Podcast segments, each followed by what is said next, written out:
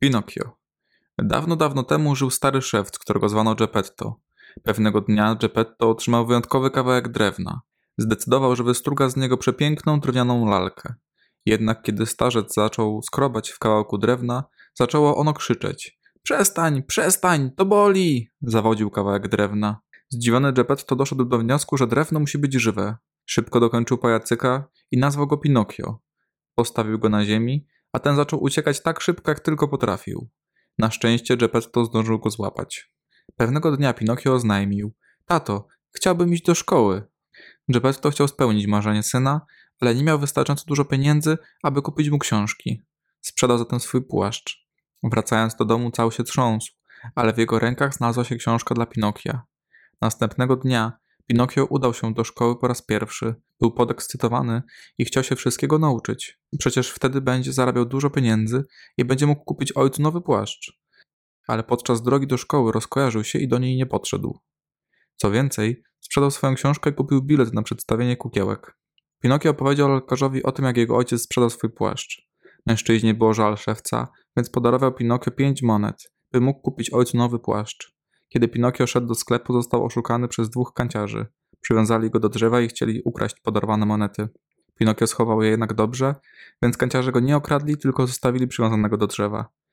Pinokio miał szczęście, ponieważ niedaleko drzewa mieszkała wróżka, która widziała całą sytuację. Uwolniła Pinokia, a ten zaczął opowiadać jej o swoich przygodach z tego dnia. Skłamał jednak o pieniądzach i wtedy jego nos zaczął rosnąć. Wystraszył się i przysiągł, że nigdy więcej nie skłamie. Wróżka dosłała go do ojca, ale w drodze powrotnej znowu napotkał kanciarzy, którzy tym razem go okradli. Geppetto cieszył się z powrotu syna, ale rozłościł się z powodu sprzedanej książki. Następnego dnia pozwolił mu jednak znowu iść do szkoły. Tym razem Pinokio napotkał najbardziej leniwego chłopca z całej szkoły. Carlo przekonał go, by razem z nim poszedł do krainy zabawy. Pinokio zgodził się i świetnie się bawili przez kilka dni.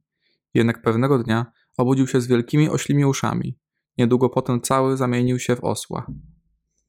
Jako osioł, Pinokio został sprzedany i był okropnie traktowany. Nawet ktoś chciał go zabić dla jego skóry.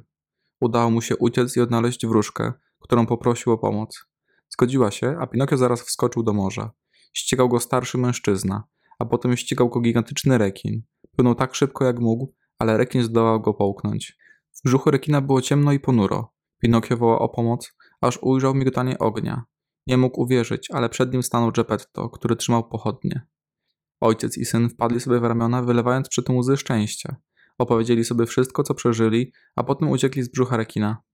Kiedy Geppetto i Pinokio wrócili do domu po licznych przygodach, dowiedzieli się, że wróżka trafiła do szpitala. Wysłali jej ostatnie pieniądze, by ta mogła wrócić do zdrowia. Wróżka w podzięce zamieniła Pinokia w prawdziwego chłopca, a potem Geppetto i Pinokio żyli długo i szczęśliwie.